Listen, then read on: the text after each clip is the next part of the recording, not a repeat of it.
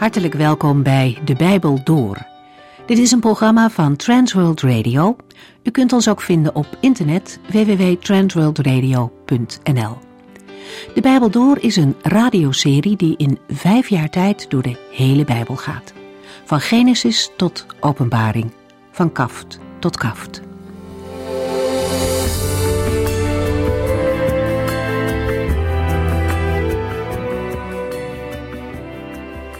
We lezen vandaag verder in het Bijbelboek Habakkuk in hoofdstuk 2. Dit hoofdstuk volgt op het gebed van Habakkuk, waarin hij de Heere vraagt naar zijn beweegredenen om een bijzonder goddeloos volk in zijn plannen te gebruiken. Als de profeet uitgesproken is, beklimt hij een wachttoren om daar af te wachten wat de Heere gaat zeggen. Hij heeft de goddeloosheid van Jeruzalem aangekaart bij de Heere en hij heeft gehoord dat de Heere zal oordelen door de vrede Babyloniërs te sturen. De toekomst is zorgelijk. Jeruzalem staat aan de vooravond van een zware tijd. En Habakkuk heeft dat gezien. De zorgen die hij heeft brengen hem ertoe om een hoge plek te beklimmen. Vanuit die wachttoren heeft hij een beter zicht op de komende vijand. Toch is dat niet waar de profeet zijn blik op richt. Hij kijkt omhoog, naar de Here. Daar komt zijn hulp vandaan. Bij de Here alleen is uitkomst te verwachten. Wanneer we alleen kijken naar de omstandigheden, dan kan het ons benauwen.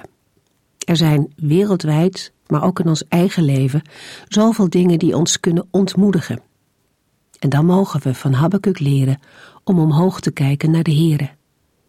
We zullen niet op alle waaroms antwoord krijgen, maar we mogen wel verwachten dat de Heer ons zijn vrede zal geven in de situatie waarin we staan. Het antwoord van de Heere aan Habakkuk begint met een opdracht. Habakkuk moet het woord van God op een groot bord schrijven en dat bord langs de kant van de weg zetten, zodat de voorbijgangers het kunnen lezen. Ook degenen die haast hebben, want het mag niemand ontgaan.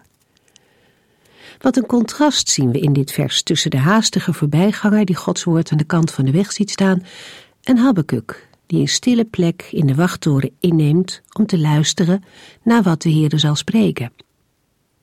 Habakkuk neemt de tijd om Gods woorden te horen. En onze tijd kenmerkt zich ook door een grote jachtigheid. Mensen kunnen zo makkelijk voorbijgaan aan de woorden van God. En wat is het belangrijk om die woorden steeds weer bekend te maken?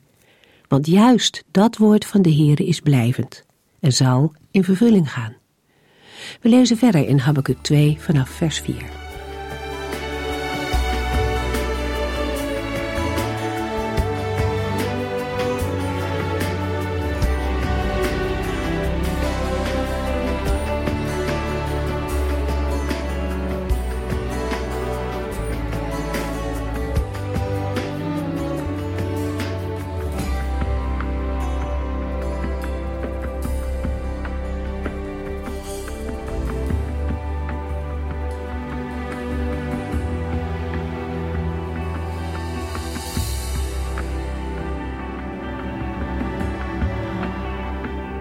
In de vorige uitzending hebben we uitgebreid stilgestaan bij Habakkuk 2 vers 4, waar we lazen: Denk eraan, koppige mensen vertrouwen alleen zichzelf en gaan te gronden. Maar de mensen die rechtvaardig zijn, zullen door hun geloof echt leven. Dit vers wordt in het Nieuwe Testament in drie Bijbelboeken geciteerd, namelijk in Romeinen 1, Galaten 3 en Hebreeën 10. Vers 4 geeft de tekst van de woorden die de profeet Habakkuk in opdracht van de Heere op een stenen plaat moet schrijven. Iedereen in de dagen van Habakkuk moest de woorden lezen, omdat het beslissend en belangrijk is voor iedereen. Ook de citaten in het Nieuwe Testament geven dat aan. Paulus schrijft in Romeinen 1, vers 17: Want in dat goede nieuws wordt de rechtvaardigheid van God bekendgemaakt. Dit betekent dat iedereen volkomen op hem moet vertrouwen. De profeet Habakkuk heeft immers geschreven: De mensen die rechtvaardig zijn, zullen door hun geloof echt leven.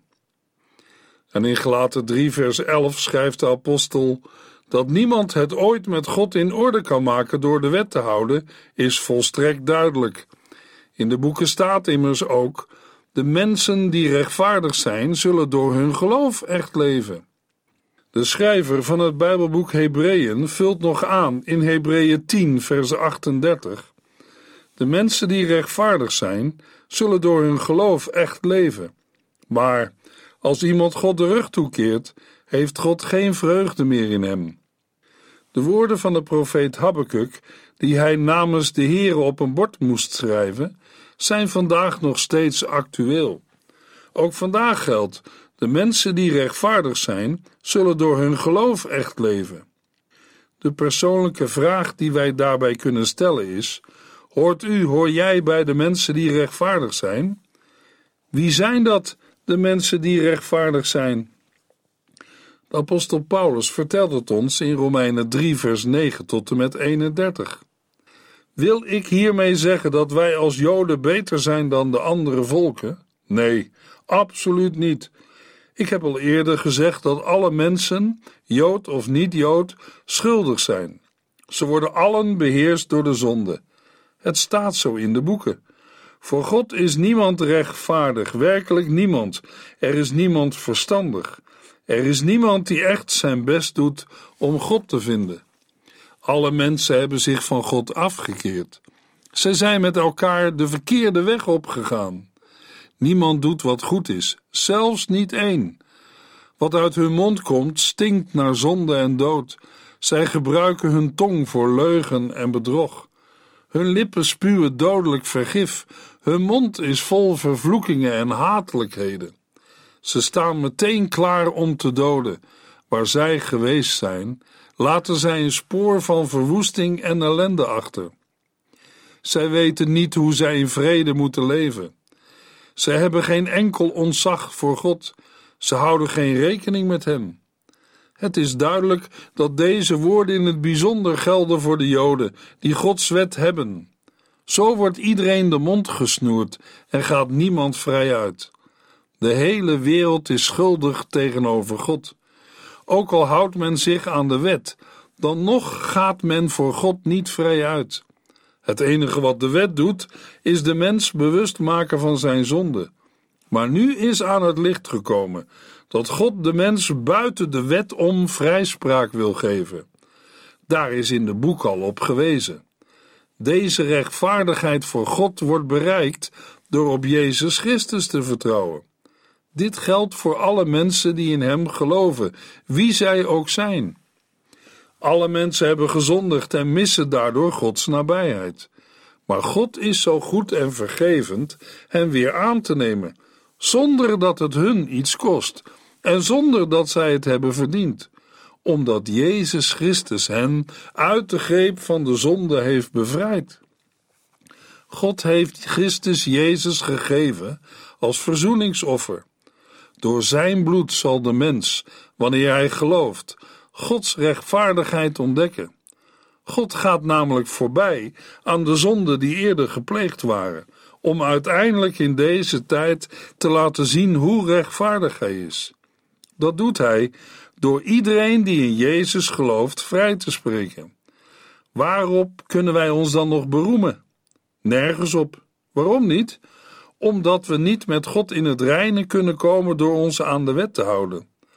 Wij komen met God in het reine door op Jezus te vertrouwen en niet door stipt de wet na te leven. Is God alleen de God van de Joden en niet ook de God van de andere volken? Natuurlijk, er is maar één God. Hij spreekt Joden en andere mensen vrij op voorwaarde dat zij in Jezus Christus geloven. Betekent het dan dat wij door ons geloof in Jezus Christus de wet buiten werking stellen? Nee, integendeel. Dan doen wij juist wat de wet zegt.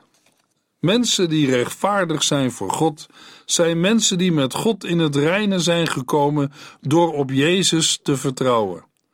Hoort u, hoor jij daarbij? Habakkuk 2 vers 5 Trouwens, die Galdeeën worden bedrogen, de wijn bedwelmt hen, want die is heel verraderlijk. In hun hebzucht hebben zij talrijke volken rondom zich verzameld. Maar net als de dood en het dodenrijk hebben ze nooit genoeg. Ze zijn onverzadigbaar. In het tweede gedeelte van Habakkuk 2 gaat de Heere verder met antwoord te geven op de vragen die Habakkuk in het eerste hoofdstuk heeft gesteld. Want de profeet heeft niet alleen gevraagd hoe het de rechtvaardige zal vergaan te midden van zoveel goddeloos geweld. Hij heeft ook gevraagd of de goddeloze en onrechtvaardigen ongestraft hun gang kunnen gaan. In het visioen heeft de Heer al laten merken dat hij terdege ziet wat er aan de hand is. Maar of God ingrijpt en hoe hij dat gaat doen, is nog in het vage gebleven. Habakkuk 2, vers 5 tot en met 20 laat op een ondubbelzinnige wijze zien dat de Heer een levende God is en dat hij de schuldigen niet voor onschuldig houdt. In Habakkuk 1 vers 11b lazen we over de Galdeeën. Als een wervelwind gaan zij verder en verdwijnen uit het gezicht, maar hun schuld is groot, want zij maken van hun kracht hun God. In vers 5 en vers 6a lezen we een soort inleiding. Daar wordt de goddeloze getekend als een onbetrouwbare, hoogmoedige dronkaard die net als de dood nooit genoeg heeft en niet rust voordat hij alles en iedereen in zijn greep heeft. De goddeloze is in eerste instantie de koning van Babel en staat voor al de Galdeën. De koning is dronken van een onverzadigbaar verlangen naar macht. Eigenlijk moet de tekening van de Galdeën, die de Heer in vers 5 geeft, al voldoende zijn voor Habakkuk om te beseffen dat de heilige God dit niet blijvend zal toelaten. De Heere moet wel ingrijpen en dat gaan we lezen in de versen die nu volgen. In een soort spreuk gaat de Heere het Habakkuk verklaren. Tot vijfmaal toe klinkt in de versen 6 tot en met 20 uit Gods mond het wee hun. Het zijn woorden die verschillende betekenissen kunnen hebben, maar in de oren van de Israëlieten klinken ze allereerst als een rouwklacht. Een klacht die wordt ingezet als iemand is gestorven. We lezen de woorden wee hun in Habakkuk 2 vers 6, 9, 12, 15 en 19. De eerste aanklacht is dat de wijn hen bedwelmt. De Galdeeën zijn erop uitgegaan en hebben vele volken veroverd en hun rijkdommen geroofd. Ze waren nooit tevreden, maar bleven volk na volk aanvallen. Zo verzamelden zij buit en gevangenen. Zo werd Babylon een grote wereldmacht. Zij wilden de hele wereld beheersen en bemoeiden zich overal mee. Ze waren hoogmoedig, hebzuchtig en onverzadigbaar. Opvallend is dat in vers 5 de zonde van dronkenschap wordt genoemd. Een onderwerp dat ook bij verschillende andere profeten aan de orde komt, namelijk bij de profeten Amos, Joël, Nahum en nu ook bij Habakkuk. Nahum maakte duidelijk dat dronkenschap een van de zaken was die het koninkrijk Assyrië ten val bracht. Amos vertelt dat dronkenschap ook een van de zaken was waarom de Heere het tienstamrijk Israël in ballingschap stuurde. Nu zegt de profeet Habakkuk dat dronkenschap ook voor Babylon een aanleiding is voor haar vernietiging. Lees bijvoorbeeld Daniel 5, waar wordt verteld over de ondergang van Babylon tijdens de regering van koning Belshazzar. Ze voelden zich volkomen veilig en waren van mening dat hen niets kon overkomen in hun verstevigde stad. Maar het was schijn en Babylon werd ingenomen. In Daniel 5, vers 30 lezen we: Nog diezelfde nacht stierf Belshazzar, de koning van de Galdeën. Dit gedeelte in Habakkuk herinnert aan de openbaring van Johannes en heeft daarom ook een apocalyptische trek. Het gaat hier niet alleen over de Galdeën en het Babel uit de tijd van de koningen Nebukadnessar en Belshazzar, maar ook over het Babylon van alle tijden, dat als de stad van de wereld tegen de Heer en zijn volk opstaat. Het Babylon dat de grote tegenspeler is van het nieuwe Jeruzalem, de stad van God, die uit de hemel neerdaalt. Wat Habakuk hier in opdracht van de Heere moet profeteren, vindt zijn diepste vervulling in Openbaring 18, waar het Babylon van de eindtijd, zetel van de antichrist, ten onder gaat en waar het wee opnieuw klinkt als een rouwklacht over een wereld die ondergaat in dood en verderf. In Openbaring 18, vers 10 en 11 lezen we: Uit angst voor de pijniging die zij ondergaat, blijven zij, de koningen van de aarde, uit vers 9, van een afstand toekijken en ze roepen: Och, Babylon, och, grote en machtige stad, in één uur is uw vonnis voltrokken. Over de hele wereld zullen handelaars huilen en jammeren, omdat er niemand meer over is om hun handelswaar te kopen. En in Openbaring 18, vers 19 lezen we: Ze, alle kapiteins, stuurlui en matrozen, alle die op zee de kost verdienen uit vers 17, wierpen stof over hun hoofd, als teken van hun verdriet en rouw, en schreeuwden: Och, grote stad! Eerst maakte zij alle scheepseigenaren rijk door haar welvaart. Nu ligt zij er binnen een uur ontredderd bij. Hier loopt het op uit. Het is de toekomst van alle die de Heere niet de eer hebben gegeven, waarop Hij als schepper van hemel en aarde recht heeft, omdat zij niet hebben geloofd, geen vertrouwen hebben gehad in de naam van Gods enige Zoon, Jezus Christus. De woorden uit Johannes 3 zijn woorden van de Heer Jezus zelf. Aan het slot van Habakkuk 2 vers 5, als ook in de versen 6 tot en met 8, worden heel concrete zonden van de goddeloze Galdeën genoemd. In vers 5 wordt de hebzucht genoemd, waardoor de Galdeën zich schandelijk hebben verrijkt ten koste van anderen. Habakkuk 2 vers 6 De tijd nadert waarop al hun gevangenen hen zullen uitlachen en bespotten. Wee hun die zich verrijken ten koste van anderen, zullen zij zeggen. Hoe lang zal dit nog duren? Ja, wee hun die ons uitbuiten. De straf over de Galdeeën blijft niet uit. Dan zijn de verhoudingen omgedraaid en zullen dezelfde volken die de Galdeeën eerst hadden veroverd en leeggeplunderd, een spotlied over hen zingen. Al de gevangen genomen Galdeën worden dan uitgelachen en bespot. En wat zal er spottend worden gezongen? Wee hun die zich verrijken ten koste van anderen. Ja, wee hun die ons uitbuiten. Habakkuk 2, vers 7. Plotseling zullen uw schuldeisers ontwaken en u zult zich geen raad weten van angst. Zij zullen u helemaal leegplunderen. Vers 7 verwoordt dat de volken tegen de Galdeën in opstand zullen komen. De volken die eerst aan de Galdeën waren onderworpen, zullen ontwaken uit hun machteloosheid en de onderdrukker aanvallen en leegplunderen. De eens zo trotse Galdeën weten niet meer waar zij het moeten zoeken. Ze weten zich geen raad van angst, en nu worden de Galdeën van hun spullen en rijkdommen beroofd.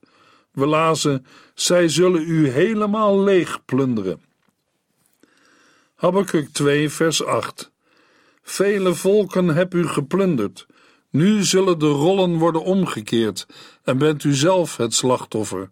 Want u hebt gemoord en gewelddaden begaan tegen mensen in alle landen en steden. De Galdeeën hebben vele volken geplunderd en nu ontvangen zij hun verdiende loon, of zo u wilt, een koekje van eigen deeg. De Galdeeën zijn nu zelf het slachtoffer, en dat wat zij anderen hebben aangedaan, overkomt hen nu zelf. We lazen in vers 8: Want u hebt gemoord en gewelddaden begaan tegen mensen in alle landen en steden. De Galdeeën en Babyloniërs stonden bekend als vrede overheersers. We lezen een paar voorbeelden uit het Bijbelboek Jeremia. In Jeremia 38 geeft de profeet Jeremia namens de Heere, de koning van Juda, de opdracht zich over te geven aan de koning van Babel. In Jeremia 38 vers 18 lezen we: Maar als u weigert u over te geven, zal deze stad door het Babylonische leger in lichte laaien worden gezet en u zult niet ontsnappen. Als we verder lezen, vanaf vers 21 lezen we: Maar als u weigert u over te geven, zegt de Heere, zullen alle vrouwen die in uw paleis zijn naar buiten worden gebracht en aan de Babylonische officieren worden gegeven. En verderop in vers 23: Al uw vrouwen en kinderen zullen aan de Babyloniërs worden uitgeleverd, en ook u zult niet kunnen ontsnappen. De koning van Babel zal u gevangen nemen, en de stad zal worden platgebrand. In Jeremia 39 lezen we, als Jeruzalem door Nebukadnessar is veroverd, in Jeremia 39 vers 6. De koning van Babel dwong Zedekia toe te kijken terwijl zijn kinderen en de vooraanstaande burgers van Juda werden gedood. Daarna stak hij Zedekia de ogen uit, boeide hem met ijzeren ketens en zond hem naar Babel. Intussen stak het leger het paleis en de huizen in brand en haalde de muren van Jeruzalem omver.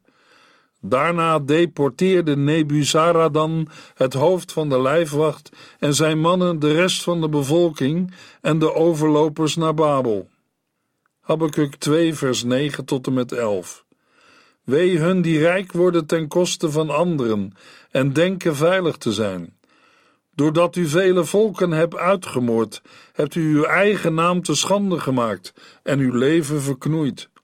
Zelfs de stenen uit de muren van uw huizen roepen dit, en de balken in het plafond beamen hun woorden.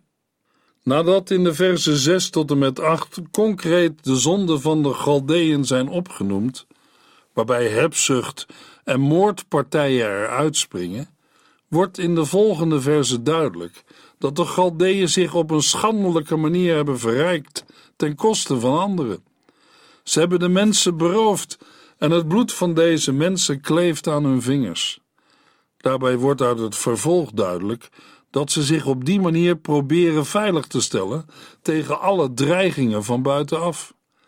Maar in vers 12 wordt de wreedheid en het moorden als misdaad ontmaskerd.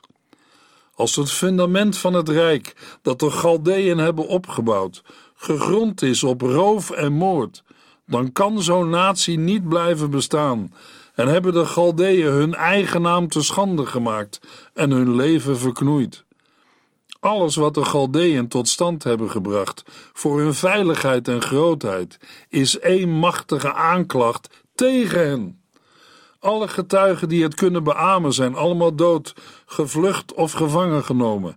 Maar de stille getuigen, als zij konden praten, zouden het bevestigen. Zelfs de stenen uit de muren van uw huizen roepen dit, en de balken in het plafond beamen hun woorden. Hebzucht was een zonde van de Galdeeën, samen met dronkenschap. Zij eigenden zich toe wat hen niet toebehoorde. Het is een bevel dat de Heer aan zijn eigen volk gaf in het tweede gedeelte van de wet, bij de wetgeving op de Sinaï. We lezen in Exodus 20, vers 12 tot en met 17: Heb eerbied voor uw vader en uw moeder. Dan krijgt u een lang en goed leven in het land dat de Heere uw God u zal geven. U mag niemand doodslaan, u mag geen overspel plegen, u mag niet stelen. Beschuldig niemand op valse gronden. U mag het huis van uw naaste niet begeren en ook zijn vrouw niet, zijn slaaf, zijn slavin, zijn rund en zijn ezel of iets anders dat het eigendom is van uw naaste. De wet wordt niet aan Israël gegeven als een voorwaarde voor de bevrijding uit de slavernij. Eerst betoont de Heere zijn genade aan de Israëlieten en daarna ontvangen zij de wet. Dit kan ook worden betrokken op de christelijke gemeente. Net zoals Israël kan een christen de bevrijding niet verdienen door de wet te houden. Gods genade gaat aan alles vooraf. Het feit dat de wet geplaatst is na de bevrijding uit Egypte en na de verbondsluiting betekent dat de Israëlieten middelen krijgen om de ontvangen vrijheid te behouden. Dit mogen zij gaan doen wanneer zij het beloofde land binnentrekken. Daarin is een parallel aanwijsbaar met de positie van een christen. De Heere komt eerst met zijn bevrijding, die tot stand is gebracht op Golgotha. Vervolgens roept hij de gelovigen op tot een nieuwe gehoorzaamheid en levenswandel. De oud-testamentische wet is na het apostelconvent in Handelingen 15 niet meer volledig geldig voor de nieuwtestamentische gemeente uit de volken. De wet was een middel voor Israël om Gods genade te laten zien, maar niet iets waaraan de kerk of de gemeente van Christus zich in alle bijzonderheden dient te houden. Maar dat neemt niet weg dat de opdracht om de Here zichtbaar te maken aan de hele schepping nog steeds geldend is. De schepping verlangt er zelfs naar. De gemeente van Christus heeft in die zin dezelfde opdracht als het volk Israël. Ze heeft ook dezelfde uitgangspositie als het oude Israël.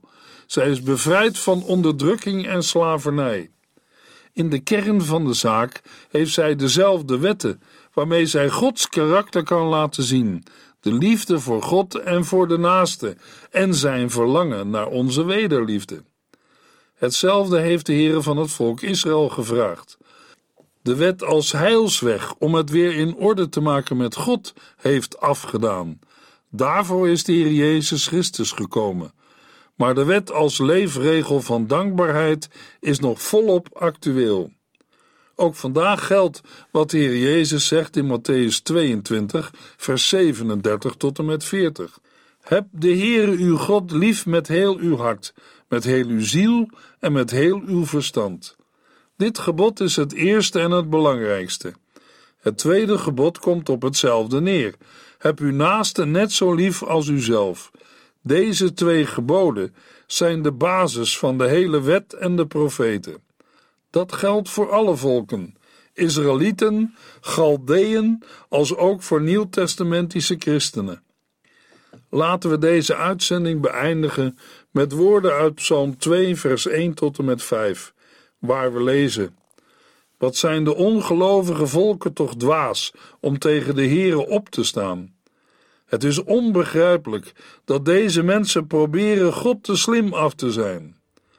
De machthebbers van deze wereld hebben hun hoofden bijeengestoken en de leiders spannen samen tegen de Here en zijn gezalde.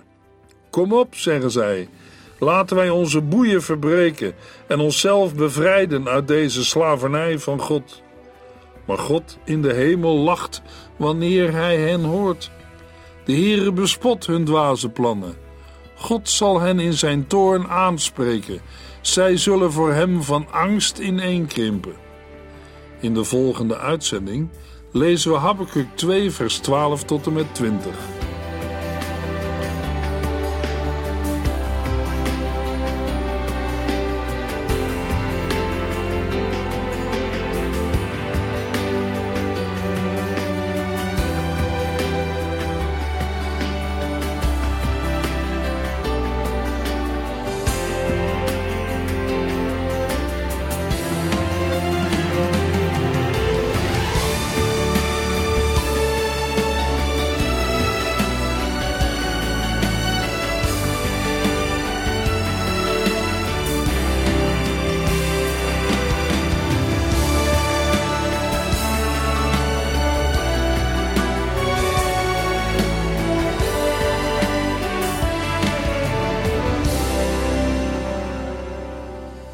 Eindigt deze aflevering van De Bijbel Door.